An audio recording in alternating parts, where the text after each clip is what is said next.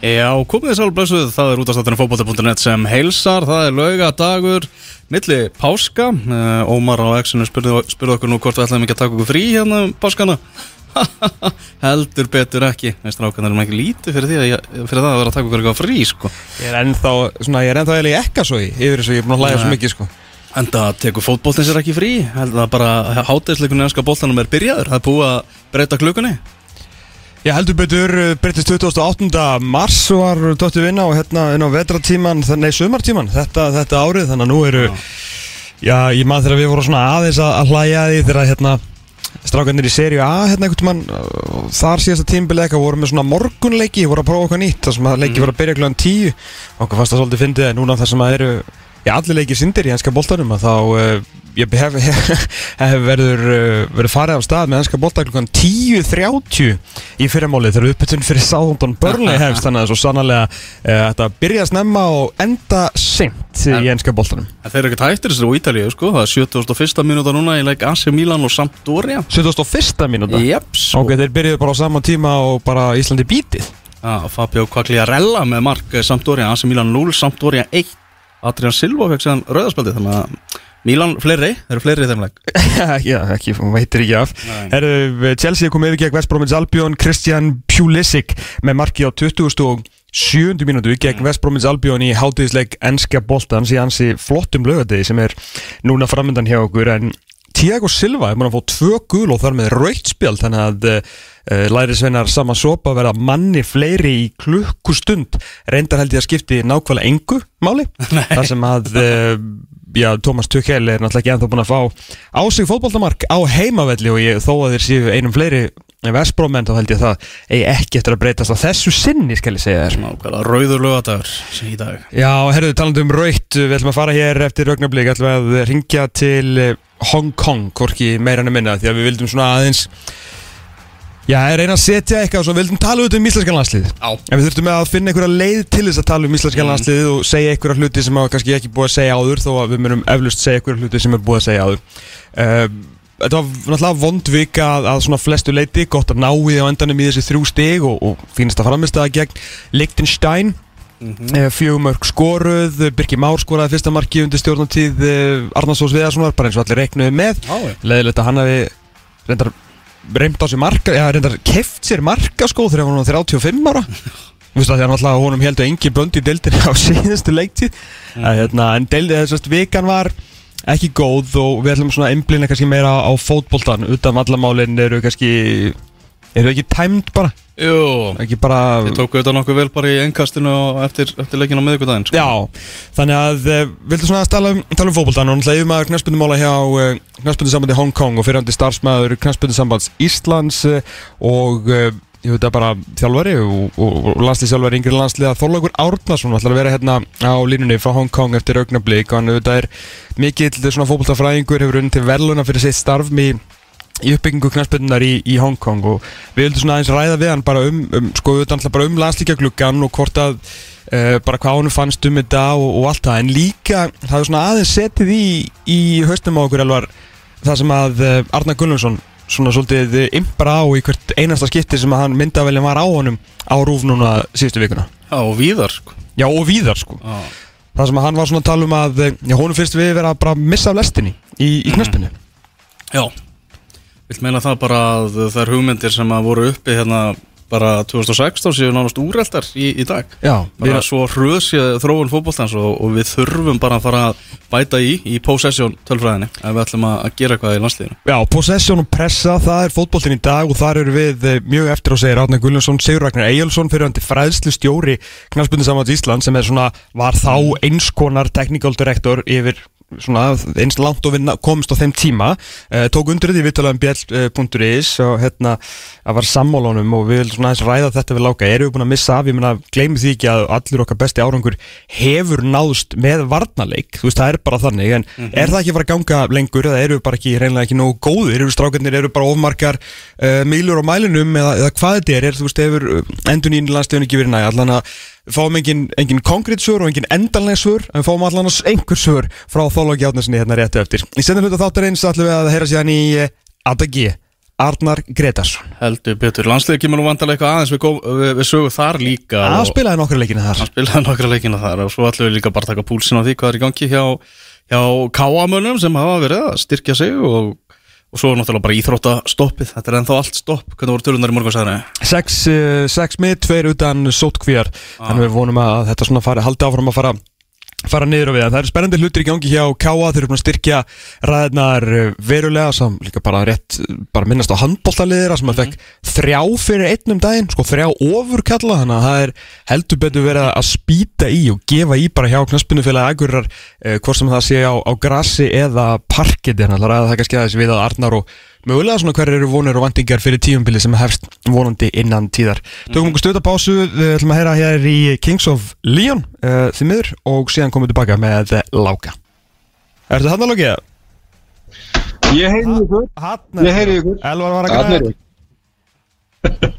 Ok, ég, ég fekk að segja um takkan í dag sko, ég er búin að vera svo stiltur en það er greinlega, við prófum það ekkert aftur sko Þetta er aftur góður. Herru, Láki, hérna, uh, bara vindum okkur bara strax, strax aðeins í þetta og, og förum aðeins í bara leikina. Svo, er það svo mörg að taka? Hérna, gaman að við skildi gefa það smá tíma með okkur í dag. Hérna, bara þú veist, þessi þýskarnansleikur aðeins að fara svona eitthvað svona djúft í, í greining á honum en við svona fórum inn í hann svolítið auðvitað til þess að, að verjast og, og, og gera það sem við höfum gert ágætlega þó með öðru kerfi. Uh, kannski kom þeir á, á óvart eða ekki? Hversu, hversu langt við vorum frá því að, að ég gefa þeim, gefa þeim leik eins og við höfum kannski oft gert við þessi stóru lið. Hvernig, sem að, hvernig svo sem úrslitin hafa verið? Uh, Já og nei. Með alltaf í fyrsta lagi þá komið mjög óvart hvernig við spilum takti séð framan af. Sem sagt, við vorum mjög hátt uppi með örnuna mm -hmm. og svo fannst mér sko miðjumenni vera að sogast onni í miðverðina og bæði náttúrulega fyrstu tvö mörkin koma þá erum við rosalega hátt uppi og þá er kannski eitthvað sem maður átti ekki vona á að, að þjóðurinni færu bak við okkur og væri búin að klára leikin eftir tíu myndur og, og síðan er sko þegar þetta gerist að þú ert með vörnin og miðjuna svona að klessast onni hvort öðru þá er svo erfitt þú vinnur boltan að halda hana. Það er stöðulega með þegar vörnin er með boltan þá er eiginlega miðjumennir úr leik þessi tveit til þess að, gefa. Er erfitt að gefa menn sem eru svona nálættir. Já, já, já. Þannig að Þannig að mér fannst svona, og þú veist, þetta, þú veist, nýju þjálfara, prófa eitthvað nýtt og, og hérna, og, og þannig, að, þannig að það var svekkjandi að þetta var bara game over mjög snemma. Já, einmitt og, og svo náttúrulega fóru þeir bara í einhvern veginn í, í autopilot og, þeim náttúrulega leið rosalega vel í því en þetta varður og veru kannski engin, engin rosalega fótbollaleikur í, í 80 mínútur þannig sko. Nei, og náttúrulega, það er náttúrulega vorkun þjálfarnum að fara inn í inn að leik, sko, náttúrulega eiginlega engin undirbúningur og, og, og og, hérna sem að hefði, þú veist, geta haldið boltanum ofar á vellinum og svona, þannig að að ég, ég held að sé erfitt að vera að gera úr, mikið úr því nema mér fannst að komi mjög óvart. Mér fannst barnalegt uh, að sjá taktísi að vörðuna svona hátt uppi. Mm -hmm. og, og hérna miðumenni voru voni í miðunum, þetta er eitthvað sem ég ekki séð áður í okkur.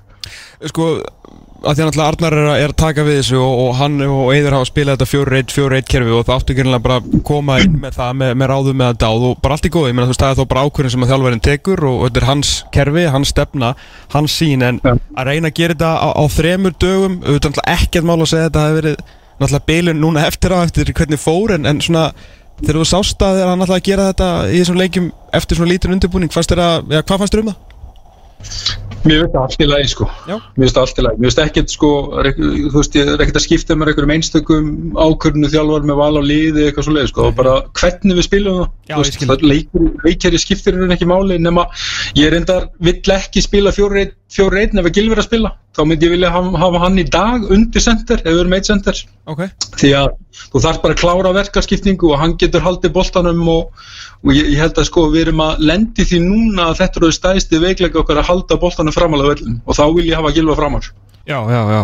Eða kannski, fyrir þá kannski bara þanga Nei, ég meina okkar byrja á einu fyrst. Hérna uh, Af því að það er náttúrulega, þú veist Við vissum, að náttúrulega hjálpaði ekki til og Skjástrygg hjálpaði til að það við náttúrulega vorum undir 21 árs landslið á, á EM þannig að það var svona miklu auðvildara og eðlilegra mörguleiti að vera á, ekki án en leifa þú veist eins og strákum sem að eru fannar kannski bank á dyrnan eins og Jón Degi og, og uh, Mikael Neville að vera undir 21 árs landsliðinu þannig að svona kannski ekki jafn mikil endun í komandi inn í þetta verkefni. En fannst þér að nógu skýrt hvortu við værum að spila á quote on quote gamla bandinu eða hvort við ætlum að fara uh, í einhverja svona framtíðamúsík Nei, ég, ég vil að sko við verðum náttúrulega, við förum tilbaka bara þegar Lass kemur inn á sín tíma þá var ekki, þá var þetta svo opbúslega skýrt, hann hefur svo Lass hefur svo mikla reynslu að hann kynnti hugmyndi sína fyrir, fyrir hérna starfsmennu KSI, fyrir leikmennunum og hann, hann sett upp nýja kultúr. Við veitum það allir þetta reglur. Og hann kynnti þetta fjölmjölum og hafði síðan líka heimi með sér sem var náttúrulega tengilegu fjölmjöla í byrjun.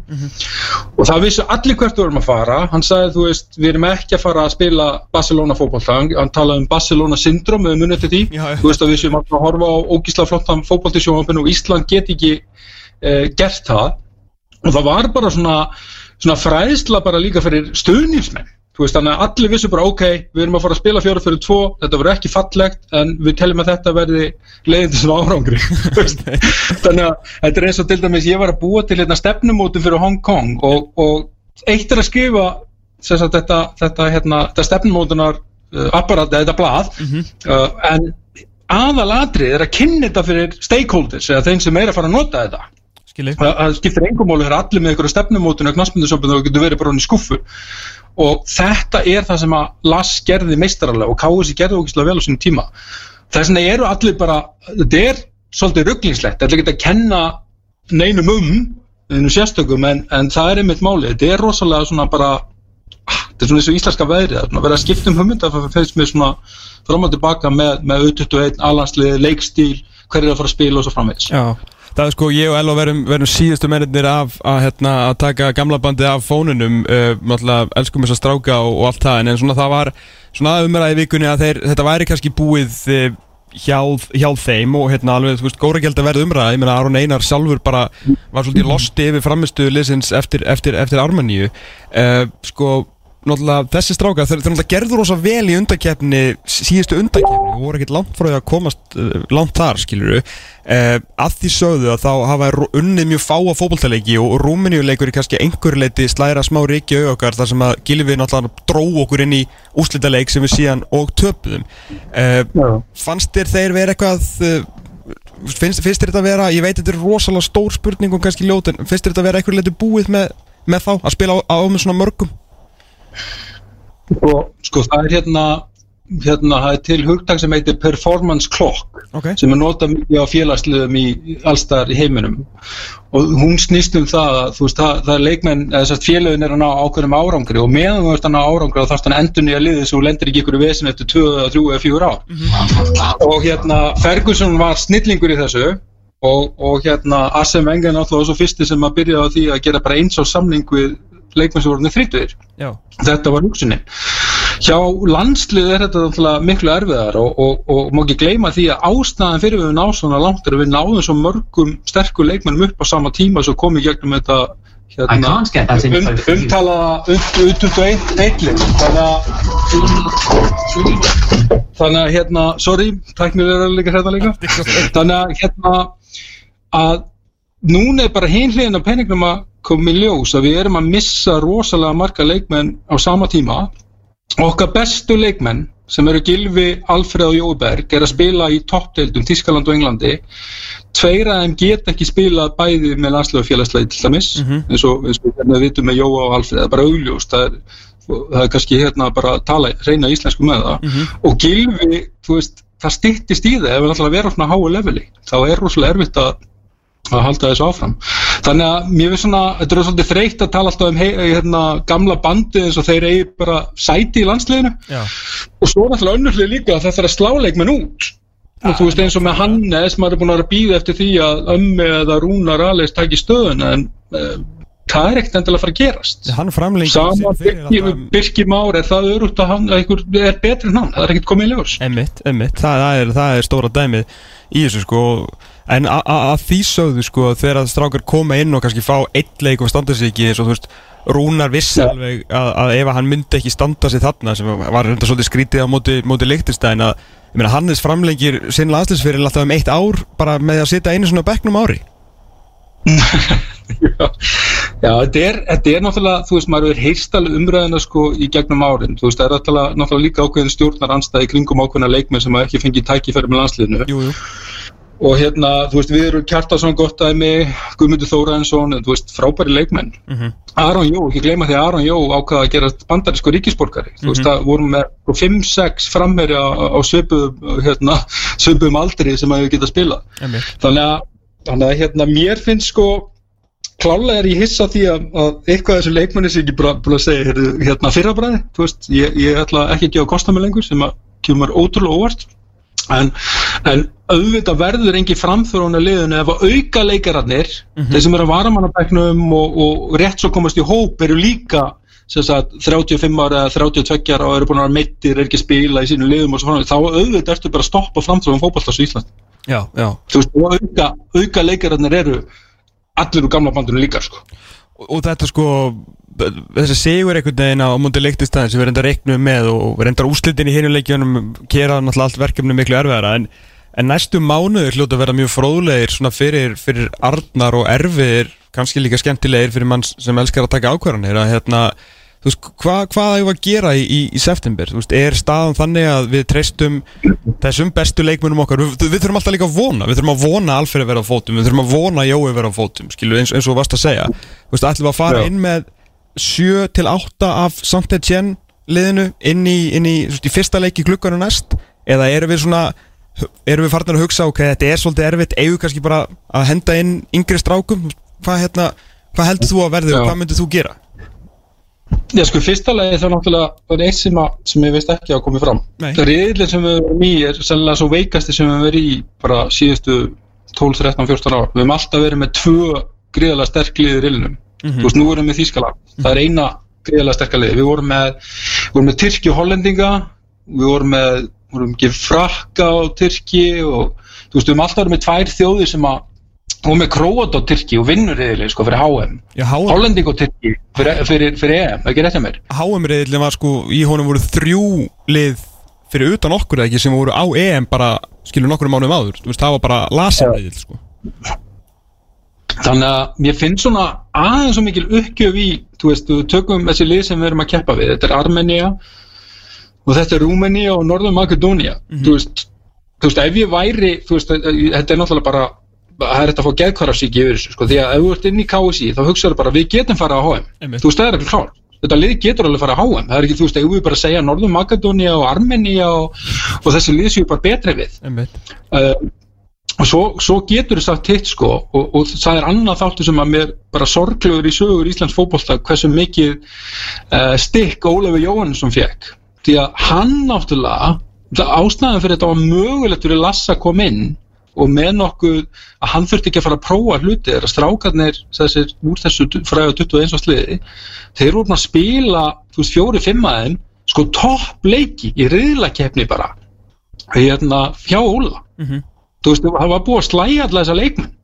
Þú veist, þá bara þú veist, fjölmennu umfjöldum Óla Jóhansson hún er bara, hún ætti að vera hún ætti að hérna fara fyrir dómstólarleikuði sko, að mínum að það er ótrúlegt götsi í honum hva, hvaða leikmennum hann spilaði á. Mm. því að þessi leikmenn hérna þróuðust ekki engungum með því að spila í ústendikeppni U21 ég meina, ætlum við að segja það sama þá með leikmennina sem voru að spila þess að 2-3 leiki núna Nei, nei, nei, en þú veist, ég- þetta, þetta er alveg, þú veist, rétt já, ég ætla að gefa það svona 7-5 fyrir þetta logið, því má náttúrulega ekki gleyma því að, að hérna, að liði sem að Óli Jó skilur skóplaði út voru menn sem komu hérna svona sumi hverju meira bara til þess að fara í fjölskyldufrí, sko, þú veist, þeir náttúrulega voru búin að vera alveg hrottalega slakir í svolítið langan tíma, sko, og nánast áhugaðlausir, margir hverjir, en þetta er alveg rétt þér, að hérna hann, þú veist, auðvitað, þú veist, ég meina, við voru komnir bara með einhverja 15-20 leiki í landsliði fyrir utan náttúrulega að vera konur kannski með sko upp undir 60 aðalisleiki bara 19 ára gamlir sko.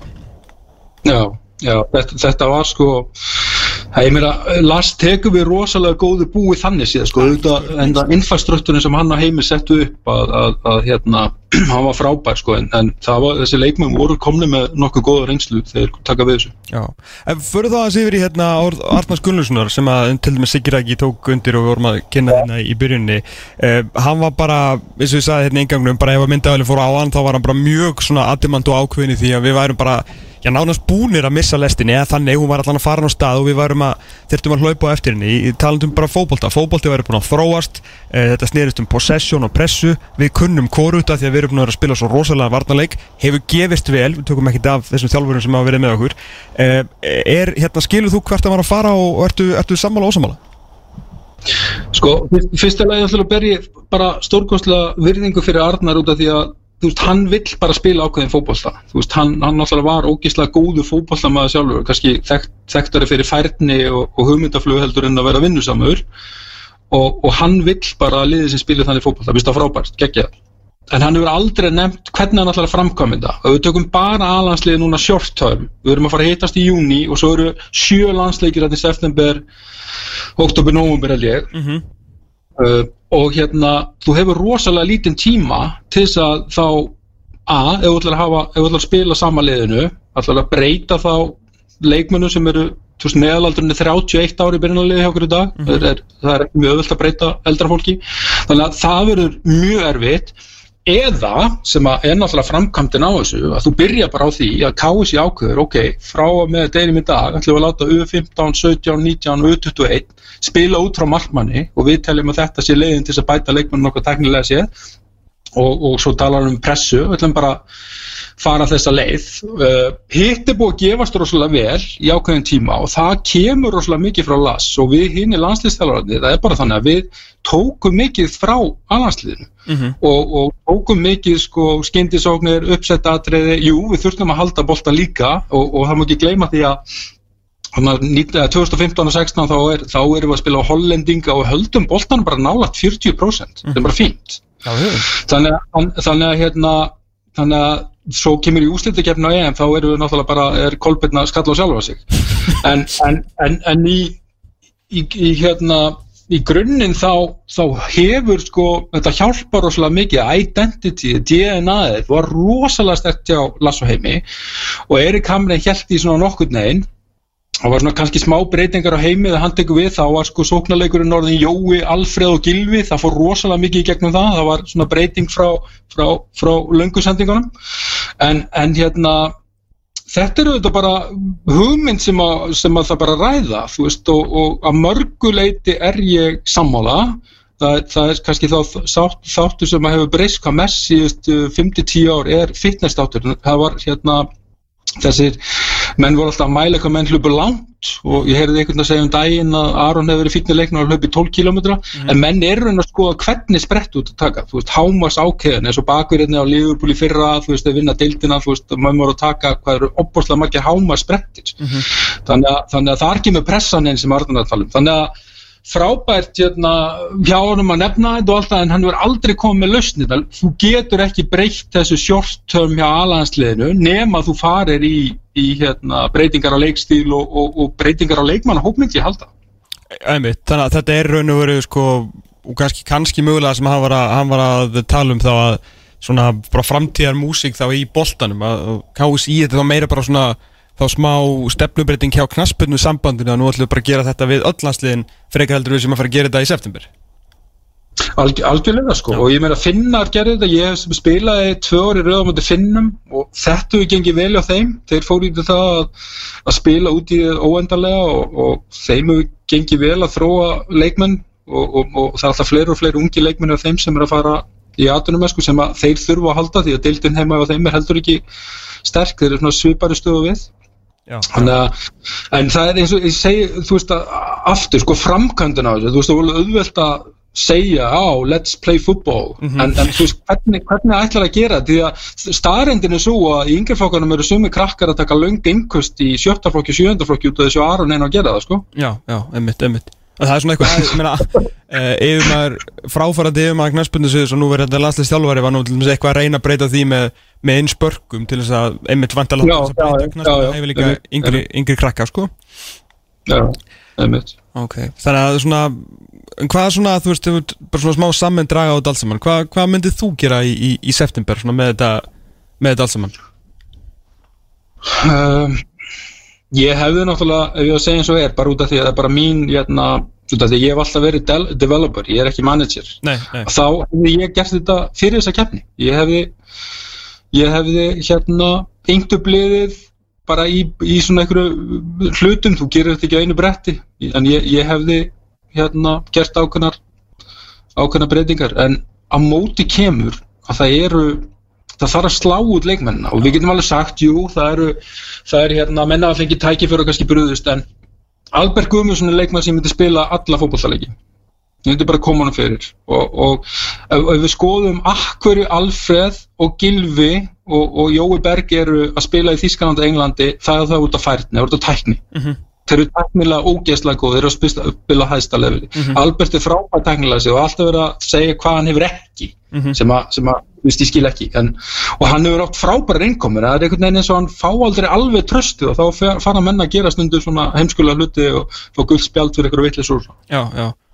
Og kannski, en, en ég held að það, það sé máli sko, að velja, þú veist, hvað þurfum við leikmenn, hvaða leikmenn eru að koma upp sem eru, eru opuslega góðir og við höfum andra fannar hérna, sem er, er opuslega góður leikmaður, Ísaka sama og Ísak náttúrulega, það sem að kannski maður hefur saknað með Ísaka, hann er að spila út á væng og hann er djúpum miðmaður og, og hérna hjálpar hann ekki, hann er búin að spila hérna svolítið úti sagt, í, í Nörsjöping og líki í 21 en hann er bara í grunninn, hann er bara djúpum miðumar og frábær leikstjórnandi kannski aðeins lengri í hann en, en þetta eru leikmennir sem hafa þessi gæði sem að, kemur leikmennum eins og Gilva, Alfreð og, og Jóa í, í bestu deildir í heim já, ég meina, og líka, þú veist, eins og, Jónda Þorstinsson, ég meina, er hann ekki bara, þú veist, þetta er ekki bara svo þegar maður hendir lambapræm á grilli, ég meina, þú veist, það er bara mínúti viðbútt, þá er hann bara overdone, sko, þú veist, er hann ekki bara klárið þetta? Jú, ég held að sko, sko Jóndar hefur allavega hluti alveg sem Albert sem hún verður að hafa Já, já. þú veist, við getum aldrei verið með þú veist, hérna, 7-8 opbórslega teknilega góða leikmenn, þú veist, annarkort verið ballandu vittlaus eða við eigum það ekki til. Nei. en Jóndar getur alltaf haldið boltan, þegar sjálfströst er gott hjá hann þá, þá er hann leikmenn sem getur sendt á þess að koma liðin ofar og, og, og, og kvíla það og svo framvegis, þannig að þannig að hérna það er, það, er, það er bara leikmaður líka sem, að, sem er á upplöf og það er kannski punkturinn að, að þegar maður skoða, að maður fer yfir leikmannahópinum þá eru flesti leikmennir á niðurleið, þeir, þeir eru að fara til Íslands að spila, þeir eru varamenn í liðum sinum í B-deild og svo framveist þannig að En þetta, þetta, þetta er snúið, en allavega ég hefði gert þetta út af því að mér fannst sko, og ég held bara, þú veist, Arnóð Þór Viðarsson, yfirmaður knassbyttumála og Eður Smári, þeir eru búin með 21. slagi, þeir eru að taka við landsliðinu. Þá hugsa ég, ok, það hlýtur að vera það bara breyting á hugmyndafræði og, og hérna allir bara hérna á bakvið það, en, en, en það hefur ekki verið ekki verið málið sko. Nei, menn það var með hvernig það var farin í þetta verkefni og verðist verið nokkuð augljóst að það var satsað á eitt stormóti viðbútt það er svona eins og að hvað var að segja, stóru strákarnir í landsliðinu hafi viljað bara, herra, ok, þú veist, þetta er allt, þetta eru tíu leikir á einu ári, við komumst í gegnum þetta, þú veist, síðasti séns á stormót og síðan áttu mögulega að, að kannski fara í einhverja svona aðeins meiri uppbyggingu, allan að mann er svona líðu með það, en eins og, eins og við höfum að það var svo sem ekkert gefið út með það, sko. Já, og ég tek alveg fram, sko, það er ekkert eitthvað rétt og rámt í þessu, þess að ég talaði um nei, þess að performance clock, sko, hún áróslega mikið við hjá félagsliðum þar svo út með leikmenn sem að kosta miljónir punta.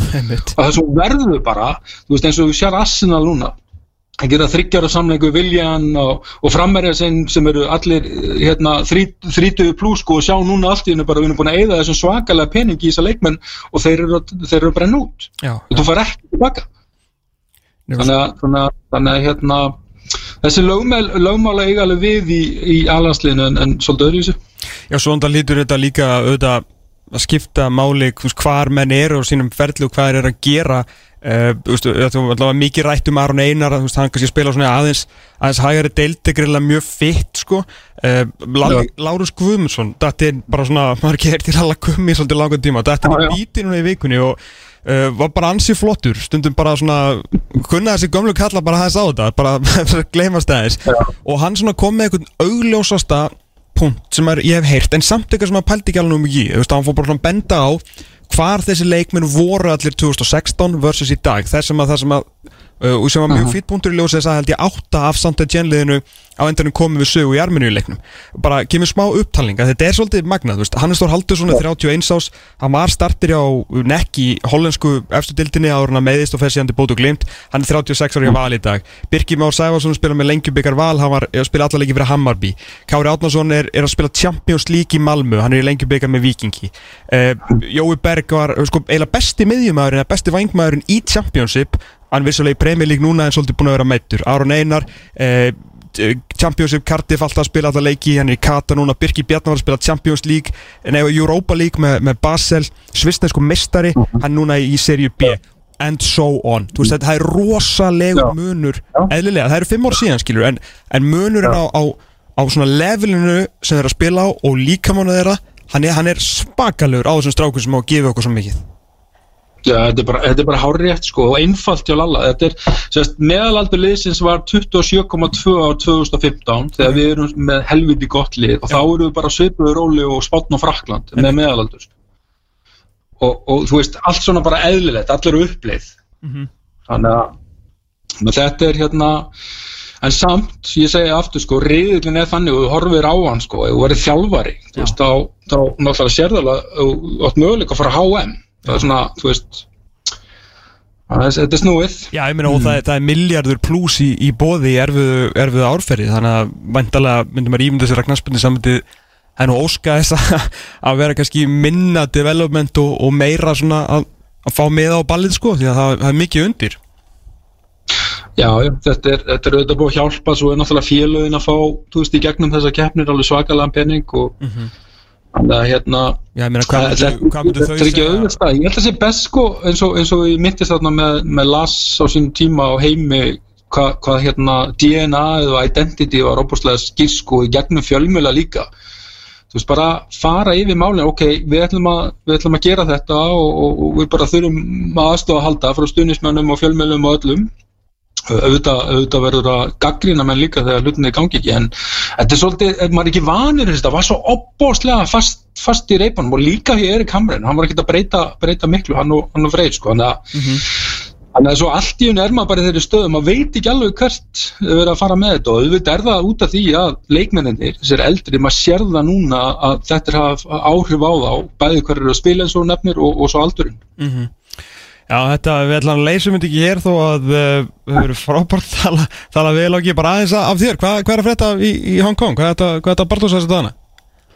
Herruðu, ég er bara búinn að klára sagt all, öll þessi verkefni sem að, ég tók að mér, það var að búa til fimm ára plan fyrir, fyrir sambandið og, og gera bara alla það breytingar sem að, sem að hérna, sambandið vildi gera og, og er að fylgja þeim eftir og, og, hérna, en samlingurum minna að renna út núna í lok júni, þannig að þá er ég að fara að gera eitthvað annað eftir það. Já, vill nú svo til að það er nú að losna sama staða hérna heima eh, á, á, á sækjum með það? Nei, já, ég, ég stefni á að, að hérna, mér langar að vinna áfram hérna elendis, Ok. það er svona stefna. Hva, hvað, sem- hvað, sem, hvað sem það verður þá, þá hérna var ég að vinna mjög lengi á KSI og, Já, og hérna, en mér langar, mér langar, ég held að bara öllum þjálfurum og, og, og leikmönnum langar að vinna elendis, hann er ekkert öruvísi með mig. Nei, líka maður sér svona myndunar frá matamarkunum og svona svo í, í Hong Kong. Skilaðu hún enn ekkert endil í kringlunni aftur sko. Já, þetta verður, þetta verður rosalega, þetta er búið ótrúlega lætórsitt og gaman og, og, og svo er náttúrulega maður búin að upplega hérna byltingu og, og niðurbælingu byltingar og þú veist þannig að maður er mjög tengdur þessu svona tilfinningar séð. Það verður erfitt að þegar, þegar þetta klárast í, í júni, það verður erfitt að fara. Gengjað, Þorlagur Arnarsson hefur maður knarspyndumáli hjá knarspyndu sambandi Hong Kong, takk kjalla fyrir spjallið. Gaman að að heyri þér, bestu kveður eh, og Samanlega, saman heyri ykkur og þér. Bye, bye, bye Bye. Já, það kom langa að kjalla Ah, fyrir uh, spjallið, það vantar ekki, vantar ekki svörið þegar þú ringir í langan, sko. Æ, þetta var mjög, mjög áhugavert. Eh, Bara eins og við varum að búast þegar hringt er í láka eins og við segir sko. Hvað, hérna, hvað finnst þér um, um, um september? En þú varst nú ekki í innkastinu á, á varum nú eftir að aðeins að rífa eitthvað svör upp úr, upp úr þér. Já, sko hann Þetta er náttúrulega sko það sem að er náttúrulega líka þetta eru þrýr leikir bara með engum, engum millibili Nei, þannig að það verður að verða yngri le- leikmenn notaðir, hafa engar ágjur af því, Já, sko. já, þú veist það sér bara alla breytingar, það er að gera sex breytingar milli leikja núna sko Já. og ég býst við því sama sko Já, er þetta ekki, er þetta ekki svolítið sjálfleist ef við, ef við notum bara orðið vandamál sem þetta er ekki að hérna að fara að eitthvað komin yngri mönnum í lið og svona?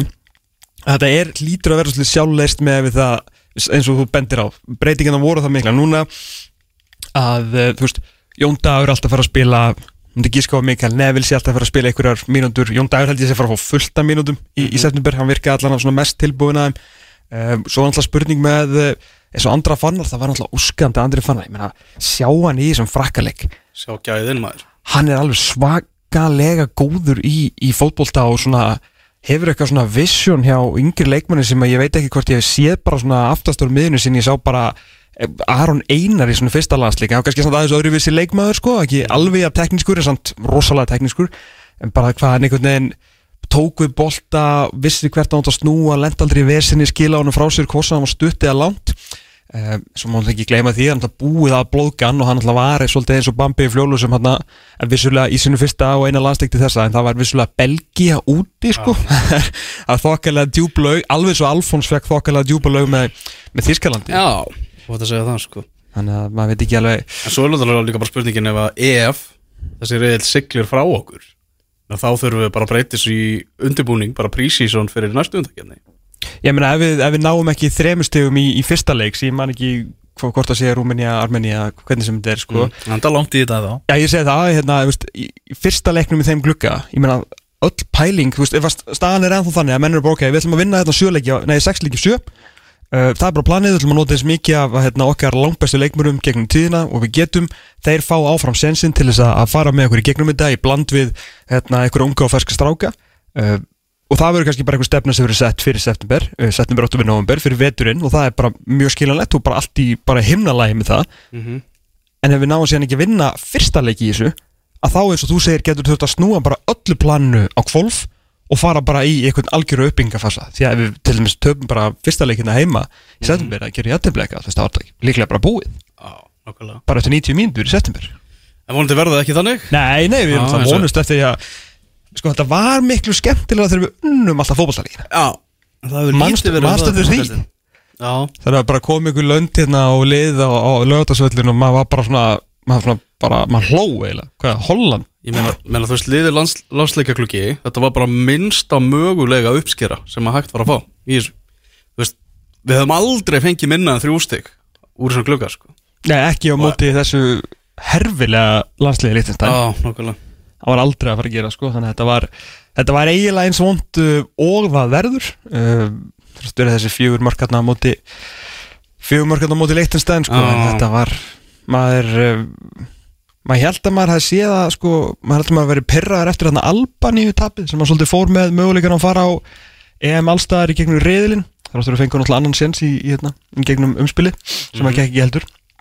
En þetta Armeníu dæmi var bara þegar maður svona fyrir aftur að, að hvað eru, sex dagar síðan maður er, ekki búin að, maður er ekki þá búin að ná sér eftir þetta. Þetta var alveg hróttalega strax sko, hróttalega strax sko. Herri, við viljum taka uh, smá pásu hérna á seti klukkutímanum er það Arnar Gretarsson hvað er að gerast hjá uh, K.A. það er endur alveg hellerins hett Þú ert að hlusta á fótbolti.net á exinu 977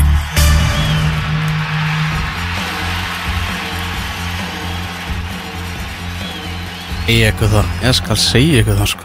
Herra, hann að Vestbróm var bara næstu búið að skora þriðja mark sitt. Já, við erum þetta glemtum að segja ykkur frá því að þeir skoruðu tvö mörg uh, um, kannski heyrt um Fransan Fræg Logárð ég sagði hérna áður, þetta er nú ekkert mál fyrir Chelsea þráttur að einum færri en síðan varði þetta bara rosalega mikið mál fyrir þá því að Andreas Pereira skoraði uh, fyrst á uh, 40, 45 pluss 2 og svo aftur á 45 pluss 4 og Vestbrómins Albion sem er einum fleiri eftir að Diego Silva leti reyka sig að velli á 2009. mínútu uh, er 2-1 yfir fyrstu tvö mörkin sem að Chelsea, bara fyrsta markið og annar markið sem að Chelsea fekk á sig á heimavelli undir stjórn Thomas Tuchel skoraði Vestbrómins Albion bara eins og allir fóru búin að- Mattius Pereira. Mattius Pereira.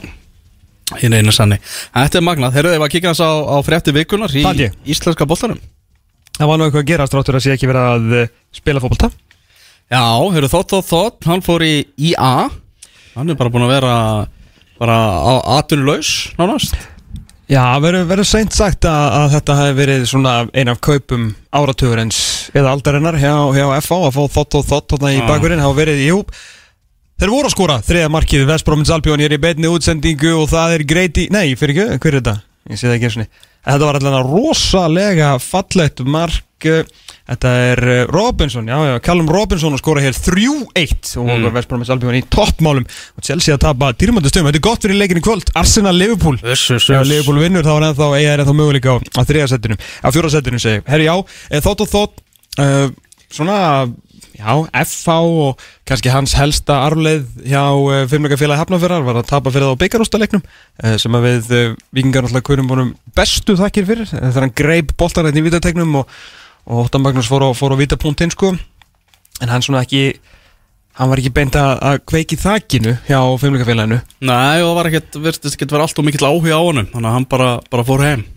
Já, það er alltaf að færa hann uh, nóg að spila og munum alltaf að ganga svona til til að beint í, beint í liði og alltaf var rosalega, maður skildi alveg hvað FO var að, var að pæla og búin að vera nokkuð flottur og sérstaklega var að skila hann alltaf alveg ótrúlega miklu fram á við fyrir í að bæði með mörgum og, og stóðsendingum. En alltaf er með, er með svakalega fót og fínt, að, fínt fyrir hann að vera, vera komin heim en að því sögðu þá er nú þessi glukki ennþá ekkert svona þetta er ekkit eh, þú veist, þetta er ekkit voðalegt gummilaði hjá skaganum. Það sem, eh, það sem komið er náttúrulega búið að tala um það 100.000 sinnum að þeir eru búin að missa Stefan Tate og Tryggva Rapp náttúrulega og Tamburini kom úr uh, lengjudeldinni Hákon Ingi sem var svona dottur einhvern út úr þessu hjá, hjá fylki og kannski ekki mest í markaskorur sem maður hefur séð í, í þessari deld uh, einhver, uh, einhver spurningumerki þessum uh, Alex Davey og síðan þótt þótt þótt að koma heim kannski mögulega eitthvað svektur og kvektur þannig að skamenn Já, það er ekki sérstaklega góð ára yfir þeim fanni og svona umtalið í svona íslenska fótbolta heiminum er náttúrulega bara eins og þeir séu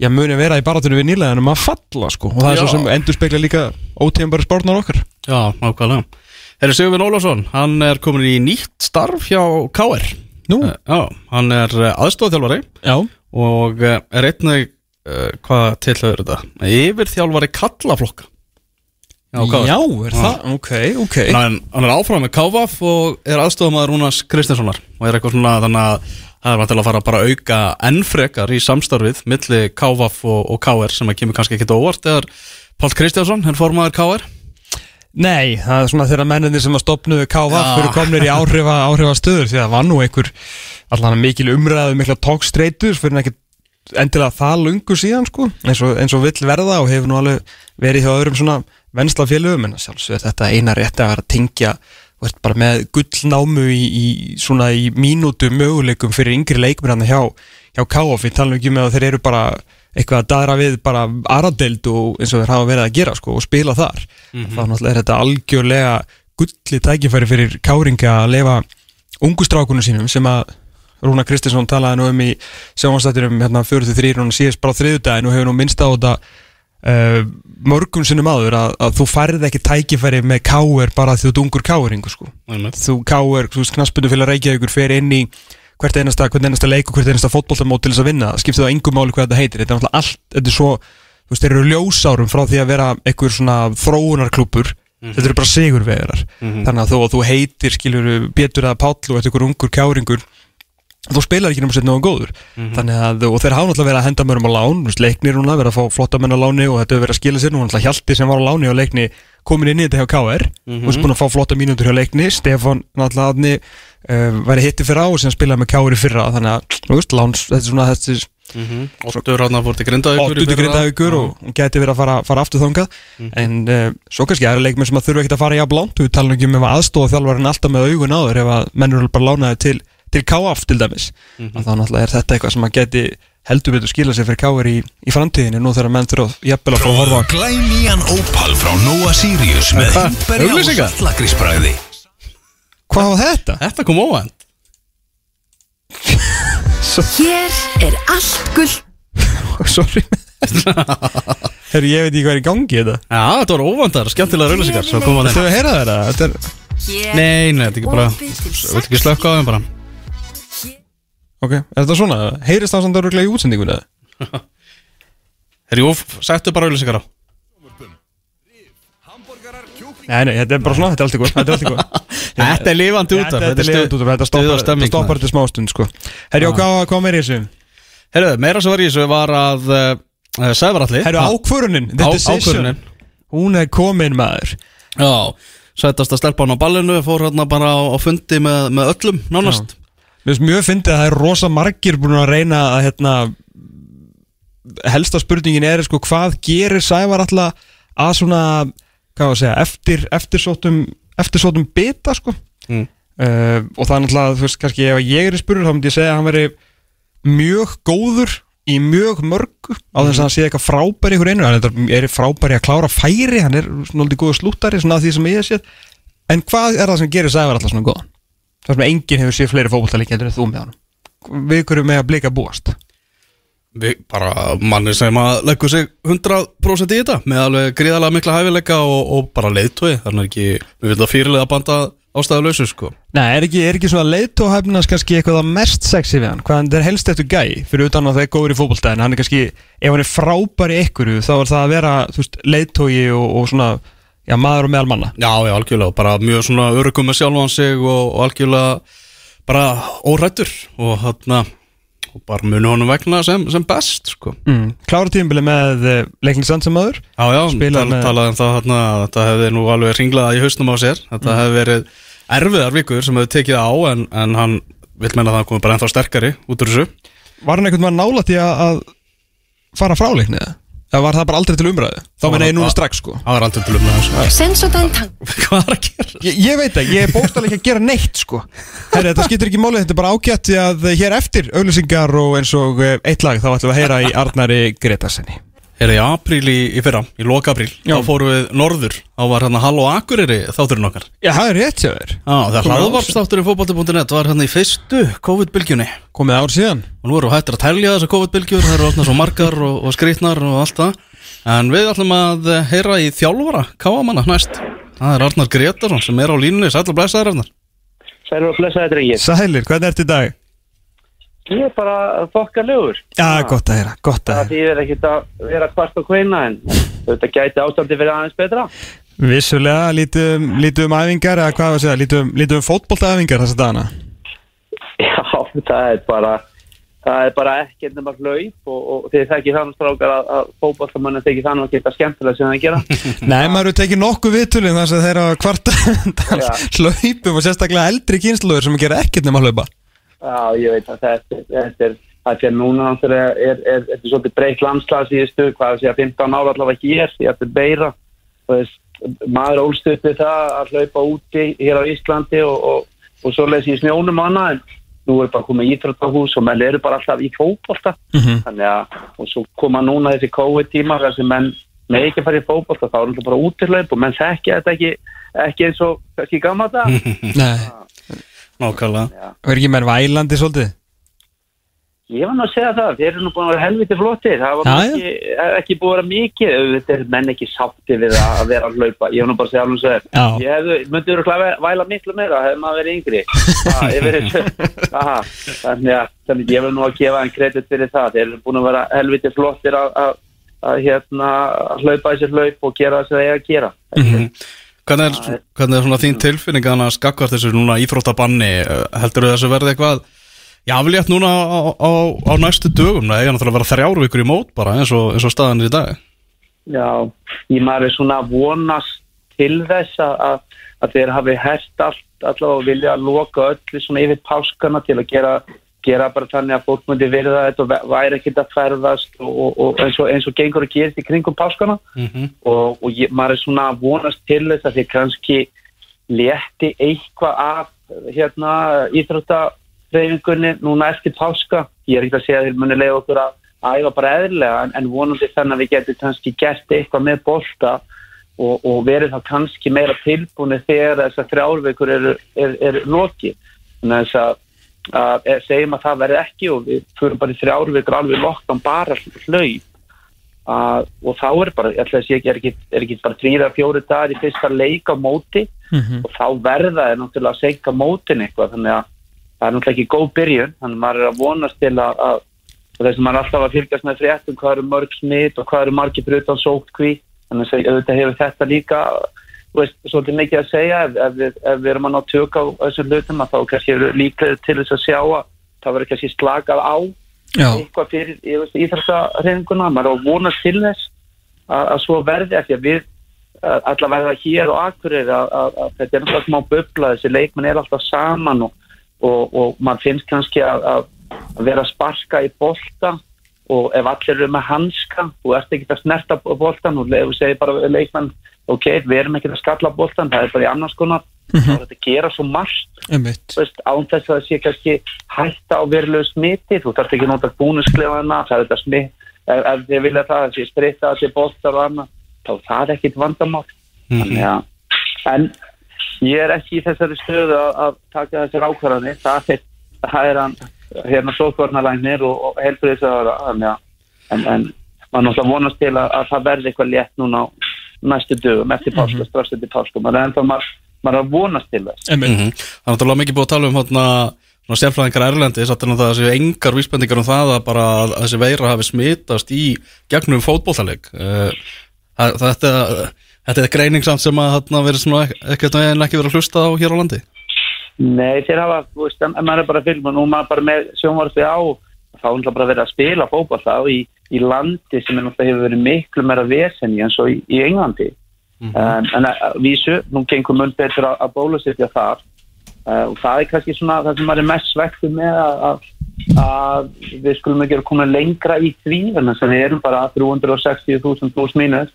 Að, að, að það hefði ekki verið sett meira trukk í það að, að, að retta uh, allavega fyrir 200-250.000 þannig að þessi komið hér ónami að, hérna, að, að það væri komið að, að þá væri staðan kannski svolítið önnur hjá okkur en, en, en maður er svona, svona alltaf að gæla við það maður fá okkur að góða fréttir að ríkistöndin sé búin að ná okkur samningum og við hefum vonað okkur stórum sköndum á, á bóluefnum þar sem var hægt að bólusetja þess að þjóða mjög stöttu tíma og, og, og opna landi að þó það væri bara hér innanlands veist, fyrir bara svona eðlir í starfsina við getum allavega, þó við sem ekki endilega hlaup, hlaupa fólki hérna í, í, í stríðins draumi minn. Þannig að ég sýnist að flest smitin sé að koma landamæránum og, og svo er náttúrulega gósið ekki að hjálpa okkur. Að það er alveg ótrúlega að fólk að koma og, og ekki að, að fylgja eftir og það sem maður er að heyra. Veist, þessum, þessum sótvarnar lögum að þeir eru að fara í sótku í fimm dag og, og fólk er bara mætt eftir tvo dag eða jættil minna. Og, og þetta er náttúrulega ekki gott og svo eru allir aðrir að fara veist, eftir, þessum, eh, eftir þessum lögum og, og, en, en það náttúrulega hjálpar ekki ef, ef, ef þetta er á fullu gangi. Þú sér alltaf fleiri þúsund manns vera saman komin að við gósi það er náttúrulega ekki að hjálpa okkur. Ég skil nú bara ekki að hverju er ekki með fótboltaæfingarna þar, það verður stundar vera allt leifilegt við, við gósið sko. Hérna, eitt samt, það leiðilegasta eða við, eh, ok, segjum, eitt að leiðilegasta við svona síðustu COVID-bylgju var þegar hver var að benda annan og, og sagja hann um að vera að æfa og þetta er komið svolítið aftur á stað það maður er að fá skilabóð hérna og hvaðan að segja, herðu, vissir þessir að æfa og þessir að æfa og við erum svo heiðarlegir? Og þetta er svo að maður að heyra líka sko og, það er ykkur lið sem að þykjast vita af þessu og þau ætla ekki, alls ekki að fara með mótið á stað á réttum tíma því að önnur lið eru búin að vera að æfa. Veist, ertu búin að heyra eitthvað af, af þessu? Veist, er þetta eitthvað í, í gangi í þínum svona þínum hópum? Já, sko, auðvitað sko að veist, uh, það var náttúrulega reynd að ég held að, að fórsamenn og fórsvarsmenn úrváðstættafélagana og hvort það hefur líka verið næst þetta deil uh, uh, ég held í fórsbrakki hann, hann Jón uh, Haldós að hérna hafi verið að reyna að setja fram þannig að við getum æft með við ákveðna svona takmarkanir sem fór fyrir held ég sótvarnalegni fyrir páskan því að sinja um, það var svona held ég veist, að menn gætu æft og nota bolta og menn þyrfti að vera með hanska og það var hægt að gera svona ákveðna æfingar til þess að gera kannski kleist að við gætum með þess að þrjáru vikur uh, verið þá tilbúinu nánast kannski, segjum bara mó- móti verið uh, svona uh, við getum sagt fært aftur um 34-5 dag að þá ætti það verið lægi en, en, en því var hafna og, og, og, og svo er maður náttúrulega að heyra það kannski að, að, að fljótla ef, ef það verður ekki þessum reglum verður ekki breyta þau lesin kannski eru með húsnæði skilur þau, við erum bara með aðstöðu til þess að loka hús, húsinu og geta bara ætt fyrir luktum dyrum. Að það hef, það hef maður verið að heyra ég veit svo sem ekki hvort að það sé rétt eða ekki en, en, en, en það er kannski meiri eh, hægt á því að menn sem hafa aðstöðu að þeir geta bara loka að sér og, og, og það kemst ekki inn og veit ekki hvað menn er að gera.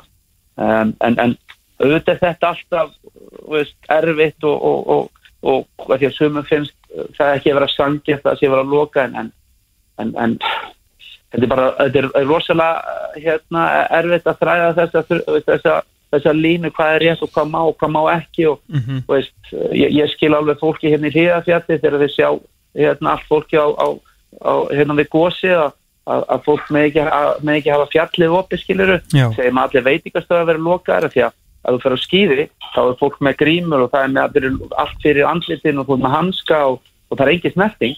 Nei, þannig að maður myndi halda að það ætti ekki að vera mik mikla líkur og það er einhverju smiti þar. Nei.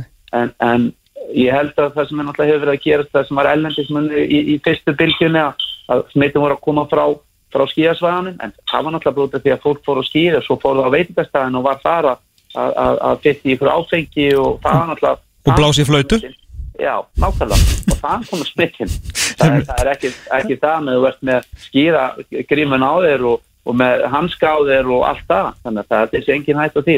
Saman náttúrulega bara í fótboltan með ef þú ert vel klættur og ert með hanska og ert ekkert að snerta boltan og annað þá held ég að líkunar á því að vera að fá okkur smitt séu mjög lítil sko. Einmitt. en, En svona- vil maður náttúrulega bara koma að sjá þessu öllu og á bóluefni og, og geta farið að lifa svona við eðlilegar aðstæðu sko. Nákvæmlega.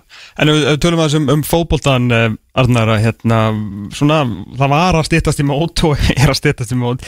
Hérna, þið bara litið eh, ágætlega út og kannski svona verið já, stórtækir og skemmtilegir á, á, á leikmannamarkjanum þegar já, þú svona talaði við menn fyrir norðan og ákvæmst að vera áfram og svona samtur það var það, það undir þeim formerkjum að, að, hérna, að þetta myndi vera gert. Að er það svona spýtt í lóuna og, og blásið aðeins í, í herlúr á, á leikmannamarkaðu og þetta er að styrkja leið almennilega? Já, já, ég, hérna, það er bara svo miklu skemmtilega að, að vera að keppa að ykkur Mhm. káa, þú veist, hefur alltaf verið með því plið, kannski vanta svona svolítið aðeins upp og til virkilega geta svona sagt vera að keppa að ykkur og, og, og svo náttúrulega bara, það er náttúrulega þannig að umkjörn hér, ég verður að segja að komið svolítið óvart að, veist, þú tekur bara umræðan í fyrra þegar maður var að koma hérna inn með greifavöllin og allt það að, að uh, er náttúrulega ekki upp á, upp á sitt besta aðstæðan í okkur núna. Það sem við erum mestar ágjur af er náttúrulega bara bara við að fara að æfa við erum að spila vennilegu grassi en, en ef þið hefur komið akkur og séu aðstöðuna við, við káa svæði þá er þetta nú hálfgeð tún þar og það er ekki er rauninni mjög lítil aðstæði hliðin og greiða vellinu þannig að, að, ég veit ekki alveg hvað við erum að fara að æfa á grasi svona, svona fyrstu fjóra, fimm, sex vikuna meðan greiðarvöldinu kannski bara ná sér. Og, og svo er náttúrulega eigum við ekkert eitthvað frábært gerðugras þannig að, að aðstæðan hér er svo sem með við þessi lið heima eða fyrir ekki heima á hérna, hérna ef við tökum bara Reykjavíkrófni Mhm. að þú sér núna þittlið vikingur komin í glænýtt gras frábæra aðstöðu, Mhm. -hmm. frábæra aðstöðu breyðablík frábæra aðstöðu þannig að og nú er FH komið nýtt hús uh, glænýtt gerðigras ég get örgulega haldið áfram, nú er stjarnan að fá nýtt geggja hérna hús og er með gerðigras og, og bara, þetta er allt önnur aðstæða heldur sem við búum við þannig að það er önnur eitt af því sem er náttúrulega verið að vinna á hörðum höndum hér við að reyna að fá betri aðstöðu og ég held að það sé styttist í það að káa fái alvöru gerðigarsvöll og, og aðstöðu á, á káa svæðinu sem mun gjörbreyta öllu. En talandi leikmannamálin að, þá er það náttúrulega eh, klárt að við ætlum að reyna svona við förum allavega í hvert leik með það fyrir augum alveg sama hvar við spilum heima eða heiman með það að vinna. Því ég tel við okkur bara vera að koma með það sterkan hópa við hefum bara að gera kröfa, kröfa á það. Þannig að, að, að þeir leikmenn sem við fengið að þeir eru mjög flottir og, og, og svo náttúrulega voru við með svolítið meðsli í fyrra þar sem menn voru lengi frá við vorum með Elvar Átna frá allt tímabili sem er, er hörsku leikmaður. Og, og svo náttúrulega voru tvíburöðnir frá Dalvík ungir og mjög efnilegi strákar þeir voru á stórum hluta frá af því að með hérna broti í, í, í fæti þannig að, við erum búin að endur henda þess að stráka tilbaka og svo náttúrulega Hallgrim Jónasson sem er náttúrulega í fjálfarateiminu Mhm. að hann náttúrulega sleitt crossbund snemma í fyrra og, og fekk mjög slæm uh, meðsli og, og, og hann er svona, við getum sagt að það stýttist í en, en það verður aldrei fyrir kannski svona setni hluta í móts en, en, en það náttúrulega skiptir alltaf máli þegar, þú þéttir ræðunar af, af góðum leikmannum og, og, og nú náttúrulega ofan á þessa leikmann sem voru meittir þá náttúrulega er Jonathan Hendricks uh, Sebastian Brebers sem er náttúrulega búin að vera smá ég held að hann veil aldrei meðist Se- Segðu mér aðeins frá Brebels, Addi, hvað, hérna, hva, hvað gerir hann? uh, eftir að tala um stöðu þá er það Já, bara svona, og hvernig leikmaður þetta er og hva, hva, Já. hvað þú vilt fá frá honum? sko, þetta er rauninni bara svona box to box Ok. uh, átta Já. og, og fyrst og fremst það sem maður hefur síðan náttúrulega bara góður maður, bara góður í fótbolta Mhm. uh, góður á boltan og, og, og og svo bara er hann líka það sem náttúrulega kemur með bæði hann og Jonathan miklir atvinnumenn bara að hann ekki gert neitt annað og miklir fagmenn. Maður það sérstæðlega komið með, með það inn sem er mjög gott. Og veist, þetta er bara uh, hérna, alveg sama að menn klikkar eitthvað þá fara menn bara halda áfram. Uh, aldrei neitt væl að vera að gera eitthvað það er bara farið í það og bara tekið á það, þetta er bara þeirra að vinna Já, já, og, og eins og ég segi, ég ger náttúrulega mikla væntingar til hans, hann er náttúrulega búin að misti út þarna, þess fyrsti leikur var á múti breyðaflik, hann hefði ekki spilað þá í, í, í svolítið tíma, fór í öflunum og, og, og var þá svona, ég fannst hann ekki ekki vera líku svona sjálfum sem var van, inn í leikin en getur miklu meira. Um, ég er bara mjög flottur með mjög góða tækni. Uh, og, og fína hlaupa getu og áalveg geta uh, hjálpa okkur verulega. Og, og svo náttúrulega því ég þekki Jonathan Hendricks hann hefur komið, komið mjög veist, uh, ég hef það þekkt hann veist, náttúrulega spila á mótum með tvíkam fyrir að vera hérna þjálfur Belgíu. Mhm. og, og svo náttúrulega hér heima náttúrulega spila maður á mótum þegar maður hjálpa Mhm. um, og svo náttúrulega finnst mér líka vera að því að maður heyrði ykkur að sögur að hann er erfiður og eitthvað svoleiðis. Já, einmitt, þetta Það- er spurning það Já, og veist, maður búin að heyra og maður búin að segja hérna, já, þú voru að passa á hann, hann búin að vera í smá tíma og þá, þá hleypur hann í burtu og eitthvað svoleiðis. Mhm. Um, en á sama tíma, þegar þetta var sagt, þá voru þau tvö lið sem vildi hvað mest ná honum, þá voru þau lið sem hafa búin að vera hjá. Það var breyðarblik og FH. Þannig að ef það hefði verið raunin, ef, ef það væri virkilega raunin, þá held ég að þessi tvöli væri ekki súper kína að reyna ná honum. Það var allavega mjög skrítið ef það væri. Og ég er alveg búin að sjá það að þetta er algjör topp eintak sko, algjör fagna fram í fingurkoma og, og þannig að ég gæti ekki verið sáttari uh, hérna með þá báða sko. Ef, að, hérna, að- þegar ég settist niður að, að horfa hérna, breyfli káa um, um daginn og, og ég bara svona horfði á, á liðið ég bara svona, wow, þetta er þú hlýtur að vera ánægð með þetta. Þú, þú getur startað svona 5 til 7 norðamönnum sem eru ekki bara í liðina þeir eru norðamenn, bara þeir eru góðir eða ungir og spennandi, þú ert með bara einna betri leikmennu síðust áratugar í, í Grímsa, þú ert með þú veist, unga og spennandi stráka, þú komið með reynslu og atvinnumenn, þú veist, það er Ég, þú veist, ef ég væri, ef ég væri sportdirektur ég myndi setja press á þig fyrir tímbil að gera eitthvað, þetta er, þú ert með flott lið sko. Já, já, ég, ég veit að ég tek bara alveg undir það sem þú ert að segja. Já, en, en það, uh, hérna, við erum svo sem ekki að fara hérna og, og segja að við ætlum að vinna mótið. Nei, nei, nei. Mótið og, og við erum með gott lið og við getum, við getum munni hvaða lið sem er á góðum degi. Það er alveg markmið, við förum einhvern einasta leik til að vinna. Og svo bara, auðvitað er alltaf þannig, við erum með þessi deild, það eru 5-6 hörku lið mm og, og allir gera tilkall og, og við erum eitt af þeim sem við, við erum að förum inn í móti með, með það markmið, við viljum keppum eitthvað. Og, og auðvitað þurfa margir hlutir að- að að- að að smetla saman og þú ætti að vera hettið með meðisli, við vorum að það alls ekki fyrra. Að við höldum öllu liðinu heil. Við erum búin að vera núna í svolítið tíma að reyna að ná í eitt leikmann í viðbót. -hmm. það gengir bara mjög brösulega. Ok, um, og, og það er ekki að hjálpa COVID-dótið sko. Og, og, og, líka það þú ætlar að ná leikmann fyrir utan uh, Evrópusambandi sko, það er enda flóknara og enda erfiðara. Þannig að það svona gerir hlutin aðeins erfiðar en ég maður svona vonast til svona á næstu dögum að við séum að landa mjög flottur spilara El, Erlendum, já, já, Já. já, ok. Þannig að og ef það gengur eftir að, að, að, að, að það auðvitað náttúrulega þarf þá tökur tíma að fá, veist, fá viðkomandi græja allar pappir og svo þarf að, fara í sókvi og allt þetta. Nú og það getur verið að lengjast. Jú, jú, þannig að raunur fyrir okkur ef, ef mótið sengjast þá getur það bara verið fínt sko í einhverja dag Mhm. en, en, en öll svona lítil að því að við erum með við erum alveg komið mjög flottan ég myndi segja svona uh, 17, 18 úti leikmenn sem eru bara alvöru leikmenn um, sem gera tilkað til að fá að spila. Og, og, og, og fá kannski eitt leikmann í viðbót sem, sem, sem geti komið sem væri með mikla reynslu og, og, og, og bara virkilega flott sífi ef það gengur eftir að þá er það svona geti í svolítið verulega svolítið tryggur á hópin Já. og, og, og hérna Er það varnamaður eða? já það má barna maður Mhm. Já. þannig að þannig að það er svona uh, þannig að það er verið að vinna svona uh, því að ég hef alveg sagt að ég vil frekar sleppa því að fá leikmann því að við erum með góða leikmann fyrir uh, að því að við erum að segja ykkur leikmann þá þurfa þær að vera bara þannig að, að þeir eru bara styrking. Það er bara virkilega verið að æti ég vil meina það að allir þeir sem veist, það eru alveg leikmenn og ég held að þeir hafa alveg unnið sér það inn í, í, í hópnum að, að, að menn sjá strax þú- færið inn flottan leikmann að, að, að besta sem færið þá kemur það svona respekt frá, frá hópnum, frá, frá liðsfélögum Mhm. og, og, og hérna það eina sem getur gert sem leikmaður að, að það er að standa og sína á sért á alvöru level til þess að fá respekt frá, frá hópnum og, og þessi leikmenn sem hafa komið uh, belgarnir og svo og náttúrulega uh, Danni uh, mjög flottir og komið flott inn þannig að, að og ef þessi leikmann sem við erum að reyna ná og ef hann kemur þá veit ég að verður flott viðbót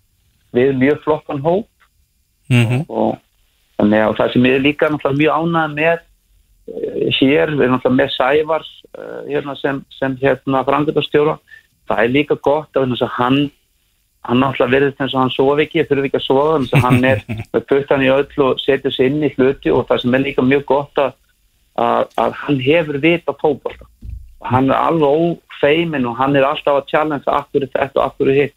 Og svona eins og mér finnst hann vera akta svona eins og sportarektur væri að gera úti. Skil. Þannig að menn er ekkit að fá að valsa um bara, heyrðu, ég vil fá þennan hann myndi koma og segja, byrju, við erum með bara unga og nefnilegan flottan, akkur viljum við fá þarna? Það mega bara ekki sens.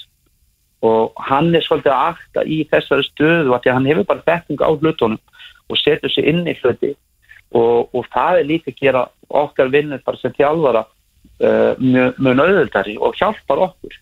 Og mér þetta vanta meira veist, í fleiri félög, þetta þekki ekki öll félög hér á Íslandi en mér finnst þetta vanta meira í, í félögum að vera með mann sem hefur virkilega vita og, og, og getur að bremsa af þegar að þjálfara vera kannski að fara ykkur virklisar leiðir í, í leikmanningum og haft bara sterkar skoðanir á þeim hlutum Mhm, mhm. sem, sem mér finnst vera mjög gott. Við veitum að, að líka hér á Íslandi er ekki, er ekki endalus peningur í, í leikmannamál og uh, að, að þeim er mikilvæg er að, að hafa þess að fáu leikmann sem er verið að sæna að þeir séu réttis og það er svo dýrt að vera að taka hérna, leikmenn sem eru sérstaklega fyrir okkur hér á Akureyri að taka leikmann hvort sem er komið frá, uh, frá, frá, frá hérna, Reykjavík hluta, e- eða bara erlendis þá þarf að retta íbúð, þá þarf að retta bíl og, og svo framveg þannig að það er alltaf svolítið pakki. Og, og þú, þú getur ekkit verið að klikka eh, á, á þessum að þú, þú getur ekkit verið að sæna tíu leikmenn, það er bara ekki inn í myndin Nei. Já, En þá er ekki í, bóði fyrir ykkur að fá svona þrjá fyrir einn eins og handbóltalið um daginn Svo svona tvo frá F og einn úr með sko ja. það er þetta vel gert það Það var mjög vel gert. það var mjög vel gert þannig að Það er alltaf ég- metnaður í þessu, félagi til að gera eitthvað á, á, á öllum vikstöðum nánast Já, ég finnst það mjög, það það, það sem er svolítið skemmtilegt þarna að það er sérstaklega svona fótbolta og handbolta uh, teimi er svolítið, er svolítið svona uh, er að vinna náið saman. Mm -hmm. við erum náttúrulega mikið við hlýðan hvort öðrum og, og það er bara mjög skemmtilegt og, og menn eru saman og er að reyfa sér saman og stundum fara út að borða saman og, og, og sem er mjög gaman. Svo náttúrulega en, en, mun minna með blakið og þeir sem náttúrulega gríðarlega öflið vinna allt í blakinu. Mm -hmm. en, en það er aðeins svona, er allavega lengra frá þessum tveimur. Já, já. Og, og auðvitað það náttúrulega bara skemmtilegt fyrir félag að það skulle geta verið upplutt á, á, á mörgum vikstöðum og, og, og hérna það er mikill metnað hér að gera. En, en mér finnst náttúrulega að, að svona fyrsta í því þá þarf að huga að, að, að aðstöðu. Og, og til að geta virkilega kert ég, ég er ekki notað sem einhver afsökun. Uh, við ætlum að keppa. Bursið sem við konum, með uh, hérna hvort við spilum að greiða velli og gerða sig að, að þá erum við komið lið til að keppa en auðvitað hjálpa það ef við væri komið með völl eins og vikingur eða fylgir eða breyðaflik geta bara alltaf æftu suma aðstæð þú ert bara að fara út og þú veist bara að völlurinn er hann er enni stettur og það er þetta bleita hann og, og það er aldrei neins spurning. Það er bara ekki alveg hér og svo eru við landa líka fyrir norðan og það er aðeins snjótingar sem er búin að kynnast aðeins heldur en, heldur en, fyrir, heldur en á sunna Einmitt, og, og, og það getur sett svo mikil strik í reikningin Þú veist samt reyndar að ljóstur upp leyndamáli þarna sem að má ekki enda minn sko Það er alltaf gott viður, veist það. Já, já, ég, ég er Það er ekkert gott að vera með útsendar á höfuborgarsvæðina þess að segja bara satt. Já, já, ég meina, ég ætla ekki að segja að það sé ekki alltaf gott en það er bara, veist, það, það er Já, snjór og sól, ég skilji Já, það er gott fyrir skíði Já, gott skíða Já, en kannski ekki alveg fyrir fótbolta sko. Nei, nei, nei, en, en, en já, það er svona væri voða gott held ég fyrir spilum hér að norðan, Þór og Káa að vera með topp gerðu ég held að það sé engin spurning og ég, ég vona það innilega að svo aðstæð fari vonandi að, að, að, að við fáum vonandi að sjá það innan skams ég er akkurinn Mm -hmm. Eru káafólk var ekki ánægt með það að Brynjar Ingi Bjarnason hafi ekki verið undir 21 árs landsliðinu? Voru mistök að að velja hann ekki það? Já, þú náttúrulega að spyrja mann sem er svolítið hlutræður uh, veist. en, en ég er náttúrulega gríðalega hrifin á honum uh, Brynjar Inga og, og ég held að negi ennþá meira inni um, en hann er kannski aðeins örfið til þessi hafsendar sem hafa verið að, að, að sem, sem spilur til með snúna mótinu að, að tvílit til að, að, að ég held að það sé meiri hraði en ekki það íslenska liðan að spila það mjög aftalega þannig að það kannski kom ekki að sög skilur það ekki að þeir lágum mjög mikið tilbaka en, en að ykkur leiti þegar við fengum mörkin og sem tökum uh, rússaleikin fyrsta að það náttúrulega voru að fara allavega í tveimur mörkun maður minn minnir að það fóru þeir hátt og setti pressu þar sem þeir var spilaður upp og það náttúrulega stóðu þeir hátt. Brynjar Ingi er eitt, eitt svo fljótasti við svona ástand nokkrum hafsendum í deildinni sem er ösku fljótur og ég held að hann sé einn af þeim betri einn á móti einum varnarlega. Það er ekkit margir jafn öflugur og hann einn á móti einum. En auðvitað hann með sína kost og galla eins og allir en, en, en maður verður náttúrulega alltaf bara að virða það við þá landslistarlók hverju sinni og þeir velja bara eftir bestu getu. En, en ég, ég held að hann hafi alveg átt kall, tilkall á, á, á sæti hérna með að hans framistu allavega síðast ári. Ég held að hann hafi verið svona jafn besti hafstendin í, í, í deildinni fyrra. En, en ég er ekki að velja og það var, það var ekki gott fyrir hann. Það hjálpa honum. Ah, Nákvæmlega. ja. en, en, en, en ekki það þetta er náttúrulega bara veist, uh, þessi, þessi, þessi leikir við í þessari keppni og þetta eins þetta er náttúrulega það er verið að spila við náttúrulega alvöru gæja veist, þetta eru allt rússarnir eru náttúrulega slagast að liða af þessum, af þessum eh, þeimur liðum sem er spiluðu en samt með frábært lið veist, allir er að spila á flottum stöðum og þegar menn eru komnir á lokamóta þá eru bara veist, þetta er allt topp leikmenn uh, sjáum bara uh, ennska landslið sem kennst ekki áfram það er allt topp leikmenna í, í topp liðum sko. Og, og þannig að þetta er náttúrulega stór vettfangu fyrir þess að stráka og, og, og, alltaf gaman bara þegar Ísland kemst á lokamót. Og það er náttúrulega bara frábært. Þannig að, að fyrir sérstaklega fyrir þá stráka sem eru heima á Íslandi og að, að fá að taka þátt í þessu það er náttúrulega forreynandi þannig að þú veist, ætti, ætti kannski að að hjálpa þeim svona þetta á gluggi til að kannski koma sér á framfæri. Vonandi eh, ha- hafa ykkurir vonandi hérna kannski uh, framist að einhverja orðið til þess að það kannski orðið einhver ávið, maður vonar það náttúrulega bara maður vonar náttúrulega það að flesti komist út og geti kannski veist upp á það að taka þeirra leik upp á næsta level Er áhuga Erlendis á, á Brynjari? Ja? Já, ég held að það, ég held að það hljóta þeirra því að eins og hlutinir, hlutinir virk í dag að, að, að, að allir leikmenn, ef þeir eru ungir og eru að spila þá í svona alvöru skáting hjá, hjá þessum flottu liðum sem, eh, sem eru út ef við tökum bara Belgíu, Holland ég hugsa alveg potið í Danmarku og, og Svíþi og þessum, þessum löndum að, sérstaklega í stærri klúbunum þar sem er kannski komið eh, svona uh, einhverju aðra sem eru bara að vinna í, í förstum stöðum að, að fylgjast með leikmannum þá ætti þeir að þekkja alla unga efnilega stráka sem er að spila. En auðvitað er það líka þannig að það hjálpar ungum efnilegum strákum að spila í landsliðum þannig að það, er alltaf fyrsta sem menn skoða að þeir gera bara rátt fyrir því að elitana, svona rjómin sé í landsliðunum. En, en auðvitað er alltaf þannig það er alltaf ykkur sem slæðast með, en veist, komast ekki í landslið ég minni bara aldrei fimmboa sem dæmi, hann spara ekki drosalega mikið yngri landsliðanum en kemur svo hann er leitblómur þannig að það er alltaf leikmann sem slæðast með sem fara ekki í landslið sem eiga svo eftir að eiga mjög flotta ferla og, og, og nú er það eins og maður er alltaf sagt við strákana að þau þurfi bara eitt leik virkilega til að kannski eðilka svolítið fyrir ykkur ef þau eru virkilega lélir í eitthvað leik og ykkur sé að fylgjast með ykkur en þess að það svo þau þurfi ekki að komast aðeins það er bara væskátt, þú fær bara inn á leik þú sækir leik og, og, fann kannski skáta þar og alveg aftunir lélu það gæti verið nótilegt og menn að hún til hliðar. En svo gæti þurft 3, 4, 5, 6 leiki til að vera þokkarlega solid til þess að eiga möguleika að komast áfram þannig að í dag er það bara þannig að, að í fyrir hvern einasta leik sem menn lapp út og er að spila þá eru hellinga fólki að, að, að skoða. Allir leikir sem hann eru, það eru svona í alveg, það eru menn að fylgjast með leiðarorðið ykkur alvöru leikir veist ég, þó að sé lengi byggðum veist, þá eru menn að, að pikka það upp og menn eru að horfa á það. Þannig að menn, svona bara fyrir þessu ungu strákastjættar sem hafa áhuga á að fara út að þá þurfa er alltaf að vera á tánum að, þú gæti verið að stila einhvern í lengjubikar í, í heim og átt, átt einhvern frábæran leik eða öfug að það annarkvæður þetta opna klukka eða lúka klukka skilur þannig, að, þannig að þetta er alltaf að mika og, og það er alltaf að vera meiri svona nála hjá þessum lifin sem er að, að fylgjast með og, og ég held að veist, með framistöð íslenska landslýðin síðustu við getum sagt þrjár undankettnir það sem, það sem það sem voru nánast að fara núna síðustu töpuðu núna múti ungverðunum og, og ja, fjórar.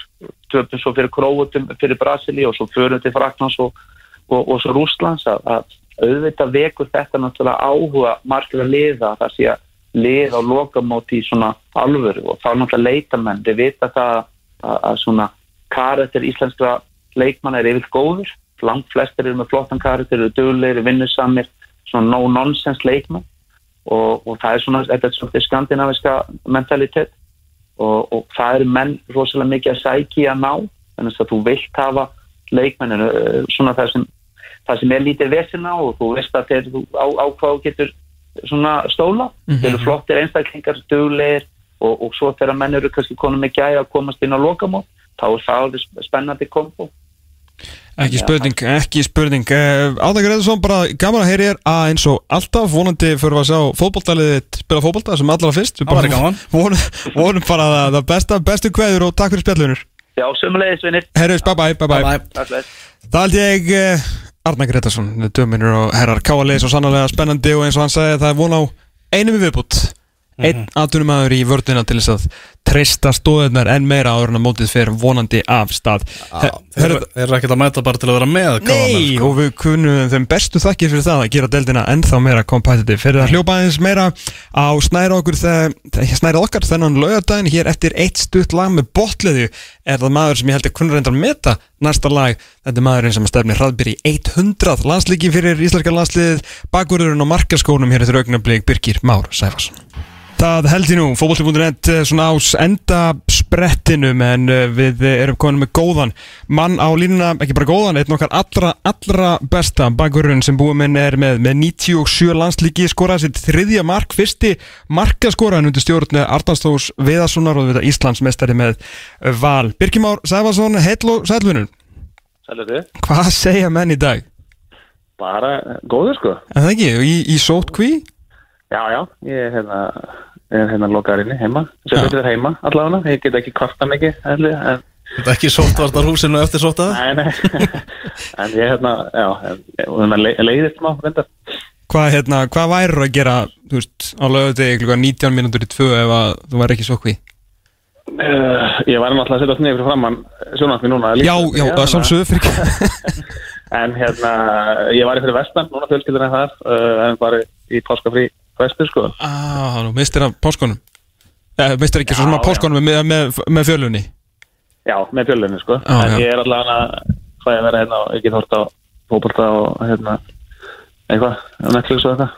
Byrju, ertu þá bara, bara einn heima í koti í daga, upplega það? Já, ég er eitthvað maður til á hérna, allir ekki mánudagskvöld þá þarf ég að koma með eitthvað eitthvað annað þegar þau koma heim Já, já, þú veitum alltaf að við ekkert er í kringu þig Nei, það ég get farið inn í gestaherbyggi loka hann byrjun það. Já, já, já. Ég er getur ég fæði úr ennan testin á þriðdag Já, hvað eru margir diskar í vaskinum? Herðu, þeir hérna það er svona svona fjóri En það ég setti upp þetta er þú veist, hún er tóm sko, ég get bara setti hann og allt í góðu sko. Það er gott. Herra, þú, hérna, ég er alltaf bara komstaði fyrir einhverjum mánuðum síðan og þú væri svona mikill lýtsari og hérna ert nú að fara, fara að horfa. Ég, einhvern veginn, eftir að séð eitthvað svona viðtölvegi hér og þar eh, þá held ég að þú væri kannski ekki svona ég held að þú væri eins og margir fótboltamenn í dag kannski horfður ekkit endilega mikið á er það, veist, horfður þú bara á lýts? Já, sko, ég horfi e, þú veist, ég horfi mikið á fótbolta Já, á sín tíma en það er aðeins má minka og sérstaklega það lítið var náttúrulega alltaf bara í einhverju brasi Já. og litið svona það var náttúrulega lítið að horfa á leikim í tempursin alltaf sérstaklega úti það var ekkert mikið að sína þannig ég Já. aðeins inn í ísokki í staðin bara svona að fara að velja ísokki fram með fókbalta á tímbili Emitt það sem að ég með myndi sko. En, en leita, er það hérna. leitar þá bara upp í lýtsleiki eða þú veist ef það er þú veist, eitthvað United, Leicester eða eitthvað skilur Horfur horfur á hann? þú veist, má- málar ég hérna, er það heppin sko að hérna, steppa horfir ekkert á sjónvart sko, hún bara horfir ekki að neitt eiginlega, nema með mér ef ég ákveðum að horfa á það. Ok, þannig ég get alltaf bara valið. Þannig að helgarnar þá bara kveiki á sjónvarpinu á hátegi og hefða bara í gangi að skal ekki vera að horfa set bara á ennska boltan og hann er bara hérna rúlandi Já, svona úslita þjónastar annars bara. Já, já, þú veist, og svo hérna sest ég niður og þú veist, í hálftíma og horfi ef það er eitthvað svona almennilega leikur. Já. en ég, þú veist, ég horfi ekki á þú veist, Crystal Palace, Vestbóns Albjón eða eitthvað. Nei, nei, nei, nei, nei. Það, ég veit alveg hefur öðrum hlöpum að neppa Herru, hérna, tölum aðeins um, um hérna, strákan okkar í, í bláu. Ykkur, hérna mikil og, og að mikið að gerast í, í vikunni, bæði eina sem, sem utan vallar, en kannski bara höldum okkur inn á vellinum, þið hérna vantilega ekki sáttir með svona fyrir tvo leikina hjá okkur Nei, þú veist, Tísklandsleikurinn alltaf var alltaf að fara að vera jú. og hérna, við veitum þó sem að það væri kannski uh, þú veist uh, svona kannski bónus að fá stig einhvern veginn á útöðum på Þískalandi Mhm. og svo náttúrulega hefðum örgulega margt verið hægt að gera betur og allt það en þetta er bara gott lið og að þú veist, það geta hver sem er færi að tapa í er en svo náttúrulega voru við óanæði með Arminíuleikin eins og hefur kannski komið fram hérna, eftir þann leik. Mhm. uh, og bara, þú veist það var bara ekki nóg gott og við vitum það og það, veist, var bara farið í þann leik og, og hérna, og svo komum við bara almenn legin inn á líknast þann leik og, og hérna, gerum það mjög framlega og bara stýrum þann leik frá upp að til enda og, og unna góðan sigur bara. Já. Hve- Hvernig er fyrir ykkur hérna, við þeir nú bara eru mannlegis, það er búið að við erum búin að hrósa ykkur og það réttilega í bara 5 ár, 6 ár og veru straight, sen kemur ykkur svona leikur og, og þið fáið mikla gaggrinni og ég meina þú með þess að svolítið persónlega hérna í, í öru markinu. Hvernig, hvernig er að taka þetta svona þetta allt í hennu kemur bara hólskeflan eftir að þetta er búið að vera svo mikið pepp í svo langan tíma Já, ég menna það er bara sama. Þegar maður sendur vel á, á, á maður skilir svo ósum Já. þegar maður sendur illa á maður skilir gaggrinni það er bara partur að vera í hérna, þú veist ekki bara í boltanum bara í öllum störfum sem maður vinnur. uh, og þú veist ég er persónulega hérna bara skýtlilegu varnarleikur í þessu öðrum marki og þú veist það þarf ekkert, ég þurfti ekkert hérna, Þú er ekki að hlusta á hennar sofa sem svo enga farið það. Ég, ég, hlusti, ég sá hana alveg, ég hlusti alveg á hana og hún, þú veist, hún trublaði mig ekki tannig og, en ég, þú veist, ég var bara sammála, þetta var bara lélegt Já, og, já, og hérna, ég er búin að það lengi í þessu að ég átti maður á því þannig að þetta svona hefur ekkert eitthvað þannig áhrif á mann og við vissum allir að, að hérna,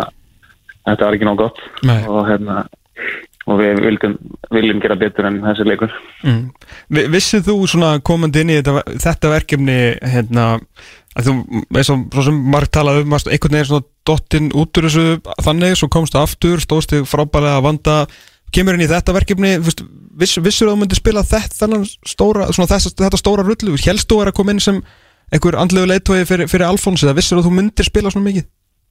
Nei, ég vissi það sem ekki neitt sko Nei. Bara, það var bara að tala við Arnar náttúrulega og hann bara spurði hvort ég, alltaf alltaf áfram í rauninni og ég bara sagði já og, og hérna, en hann talaði aldrei um hvort ég myndi byrja eða bekna með hvað það væri sko uh, og þú veist, þannig þú veist, ég leit bara að þetta, ég var að koma inn í það og Alfons var hérna líka og við varum bara að fara veist, samkefnum hérna um stöðuna í rauninni, bara eins og á að vera. Já, já, e, samkynum alla stöður og veist, við viljum báði spila og hérna og ef hann spila þá náttúrulega spila hann bara 100% og öfugt. Við bara erum e, mjög góð samskipti okkar á milli, mín og Alfons og það frábær leikmaður og hérna og hann á alveg bjarta framtíð í landsleginu uh, en menn ég er í landsleginu þá vil ég spila.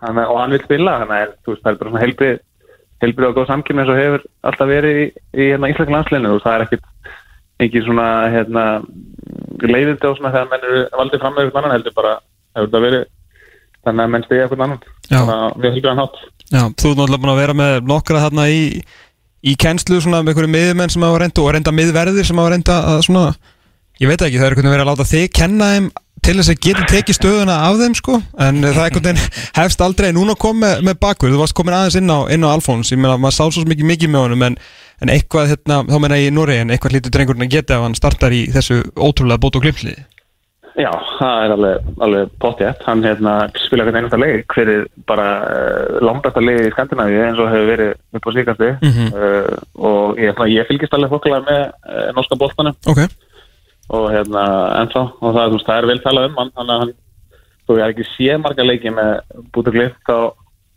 þá veit ég að það er vel talað um hann og hann er náttúrulega búin að spila hérna, veist, eins og segi í liði sem að fóra á San Siro og tapaði bara nömmlega fyrir allir bílan uh, þú veist og það, það segir manni bara það, að þetta er bara frábæð leikmaður og, og þú veist, það sem að sá á hann þegar hann spilaði með breiðaflikina heima og svona, það leit mjög vel út. Þannig að, og svo bara á þessum ætti með hann núna sér maður að það er bara hellins gæðið þetta og eins og segja, hann ætti að eiga ég held ég, bara mjög bjarta framtíð í Íslandska landsliðinu. Já, já.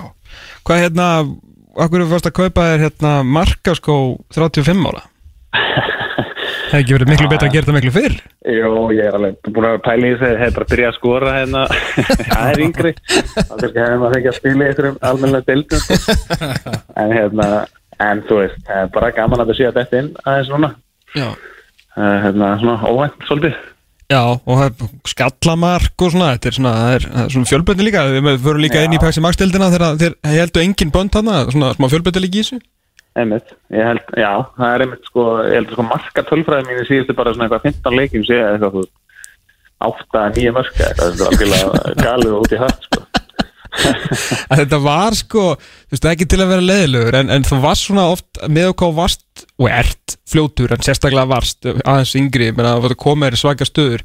Mann alltaf, ég veit, mæni hvort þú þú veist, það er bara svona, þú gæðin sem horfir ekki sem að lendir í þessu mann eftir þessu þú komst í dauðafæri hérna á parkin tímann og ætlar að vippa yfir markmannin og hann svona, hann, sko, hann var bara hann horfði, hann svona greið boltan og horfði á þig bara, hvað helstu að ég myndi gera? Þetta var svona, þetta var ekki alveg að kannski að detta fyrir alltaf, sko, en núna bara, bara boltin alltaf vinni Já, en það er kannski máli líka þegar maður dettur í eitthvað svona þú veist, maður byrjar kannski skora eins og þannig í tveir tólíkir rauð eða eitthvað í svimar þá dettur maður í eitthvað svona eitthvað, eitthvað són bara og þá einhvern veginn lekur allt inn og maður er alltaf á réttum stað og þú veist, það fara kannski meira sem, svona framverja sem upplifir þetta en Já. Það er svona, veist, þetta er bara uh, sjálfstöð þetta markið í rauninni, þú veist, ef maður gerir þetta aftur og aftur, þá náttúrulega bara heldur þetta áfram sko.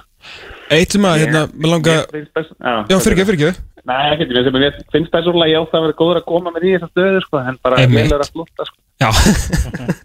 Það er mér aldrei á seint, skilur Það er alltaf góð Nei, nei.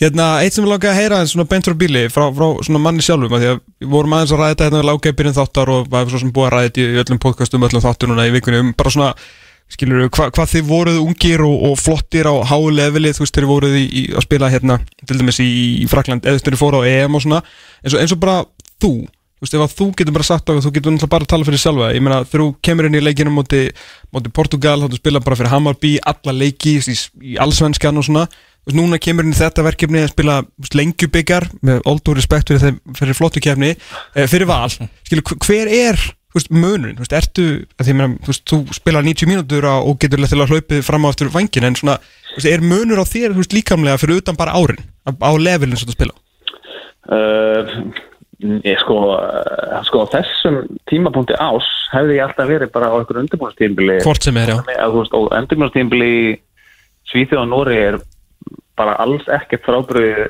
því sem ég er búin að vera með allan að hjá val núna á þess ári. Nei. Uh, ef, eitthvað er þá erum við búin að æfa aðeins stífara hérna heldur en heldur en við gerðum í aðrinnarku uh, þannig að þú veist í mars hefur, það alltaf verið sama staðan á mér þegar ég kom í þessu landverkefni sko. Ok, ok. Uh, en bara þú veist að kannski verið hérna aðeins yngri og hérna kannski eitthvað örlítið feskari en ég þú veist, ég er búin að ná að æfa hverja einustu æfingu held ég í vetur. Uh, án þess að þurfa að taka einhverja pásu þannig að ég held að ég sé bara í eins góðu standi eins og ég get mögulega verið og bara svipu standi ef ég hef verið bara fyrir held ég sko á þessu tíma. Já, þannig að að engin það breyti vola litlu fyrir mitt svona leiti en þú veist, núna eða fyrir nokkrum árum síðan sko. Nei, nákvæmlega, nákvæmlega. Mars hefur alltaf verið bara mjög svipaður mánuður hjá þér. Já, já, eins og undirbúrstímbili í Svíti og þú veist, það er kannski eina sem var það að byrja fyrir byggarleikin en það ára bara mót eitthvað liðin í, þú veist, þriðjastu deild, sko, Mhm, mhm. sem er ekki betra en, hérna, uh, þú veist, Káa og Breiðablík F og Káur og eitthvað sem við spila við núna sko. þannig að hérna, síðasti leikur hér var nummer 97 uh, Þú hlýtur að sjá 100 í hillingu núna sama hvernig það verður já, já, þetta ég, það er að ljúa ég við ekki það ekki er- Þryggja stafa að tala sko. Já, já, það er ótrúlega hérna, það væri ótrúlega flott að koma svo ykkur hundra leiki, sérstaklega eins og eins og fyrirlin leit út svona framan að bara, það væri kannski ekki, þetta væri kannski ekki mikið í spilunum. Að maður væri að fara í sko bara meir en hérna, að spila bara fyrir mestalagi val sko.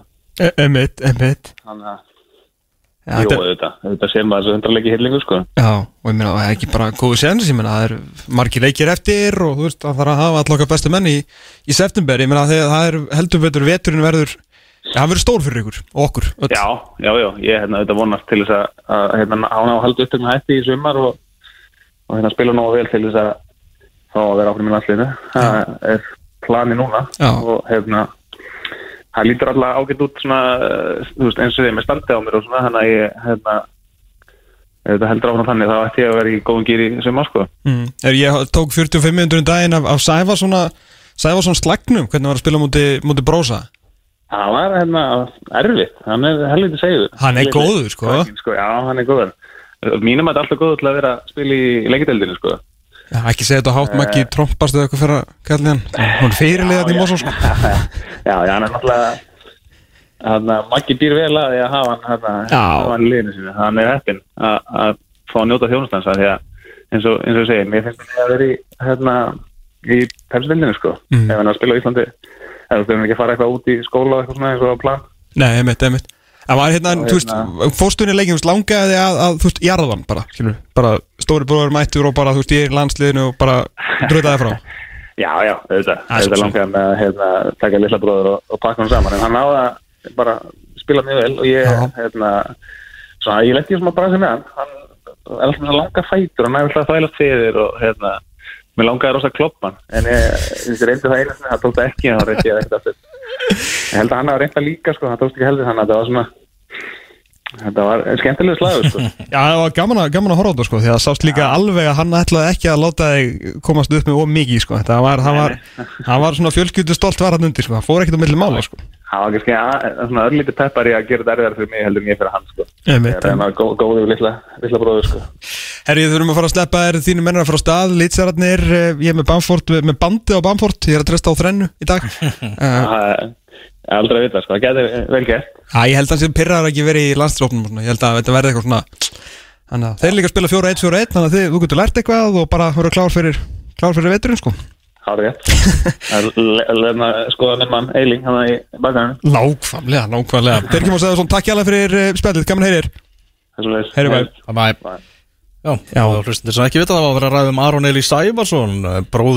Já, sem var að að Birkis, Já. sem er í afturhaldingu. Vinstri bakvörður og fyrirliði lengi deildaliðs afturheldingar og hérna Já, til að setja eitthvað svona smá sammingi að þá hérna voru þeir mættust þér hérna í, í lengi byggundum daginn þegar uh, Valur afturheldinga áttust við og ég náði fyrir hálfleiknum í, í stúkunni Mm og þetta var, það var mjög var svona komið nokkuð móment þar sem að, að kom sérstaklega eitt móment þar sem að Birgir svona gaf boltan á maður eitthvað, það var haug páli eða eitthvað svo kallaði hann bara svona og go, og go!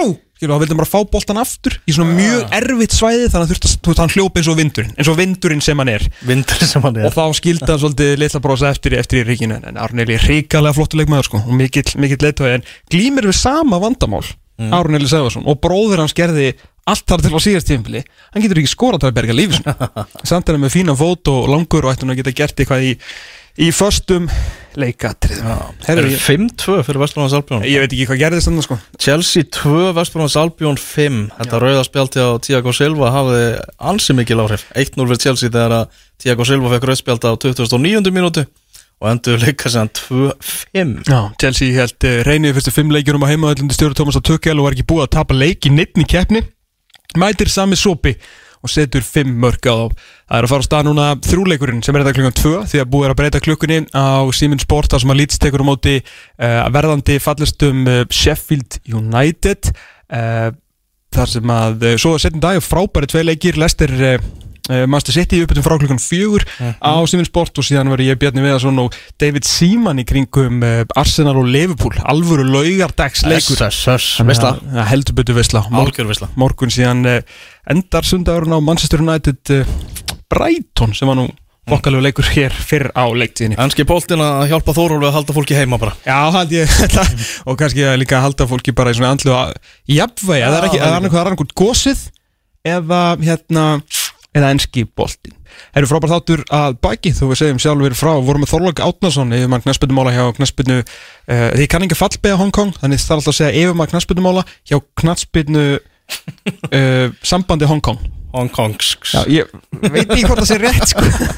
Knarspunni samvöldu Hong Kongs Hongs Kongs uh, Fórum aðeins yfir svona framtíðar músikin í íslenska boltanum með landslið og hvort við eigum að skipta um hérna bara Ég fara að gera það sem Arnar Gullarsson hefur verið að tala um að fara að spila aðeins öruvísi fótbolta. Uh, Heyrum líka ítalega í Arnari Gretarsson í með frétti vikunar og vorum að skella á Birki Má Sævarsson sem við kynntum það hann og liðið hefur bara ekki staðið sem nú vel sérstaklega á móti Armeníu. En það held ég að þetta sé búið hjá okkur í dag Er verðum einhver Metallica þáttur að, að taka við það? Já, haugur um Metallica heitir þetta Hérna sem er næst á dagskrafhaugur Þá ætla ég er að henda þessu hérna uh, ég Vilt þú fara að taka hana aftur næst? Þetta er búið að vera svo vandræðalegt. Já, ég veit bara, þú veist, það er að halda það líka í æfingu, skilja Já, það er þetta rétt. Ef að ég detta eitthvað út, þá verður þú að vera svona aðeins í æfingu, sko. Já, ekki spurning. Ég heiti Tómas Þór Þórásson, hann er Elvar Geir Magnússon. Við verum inn aftur með fótbolta.net eftir 6 uh, daga og 22 tíma. Þanga til, verið sæl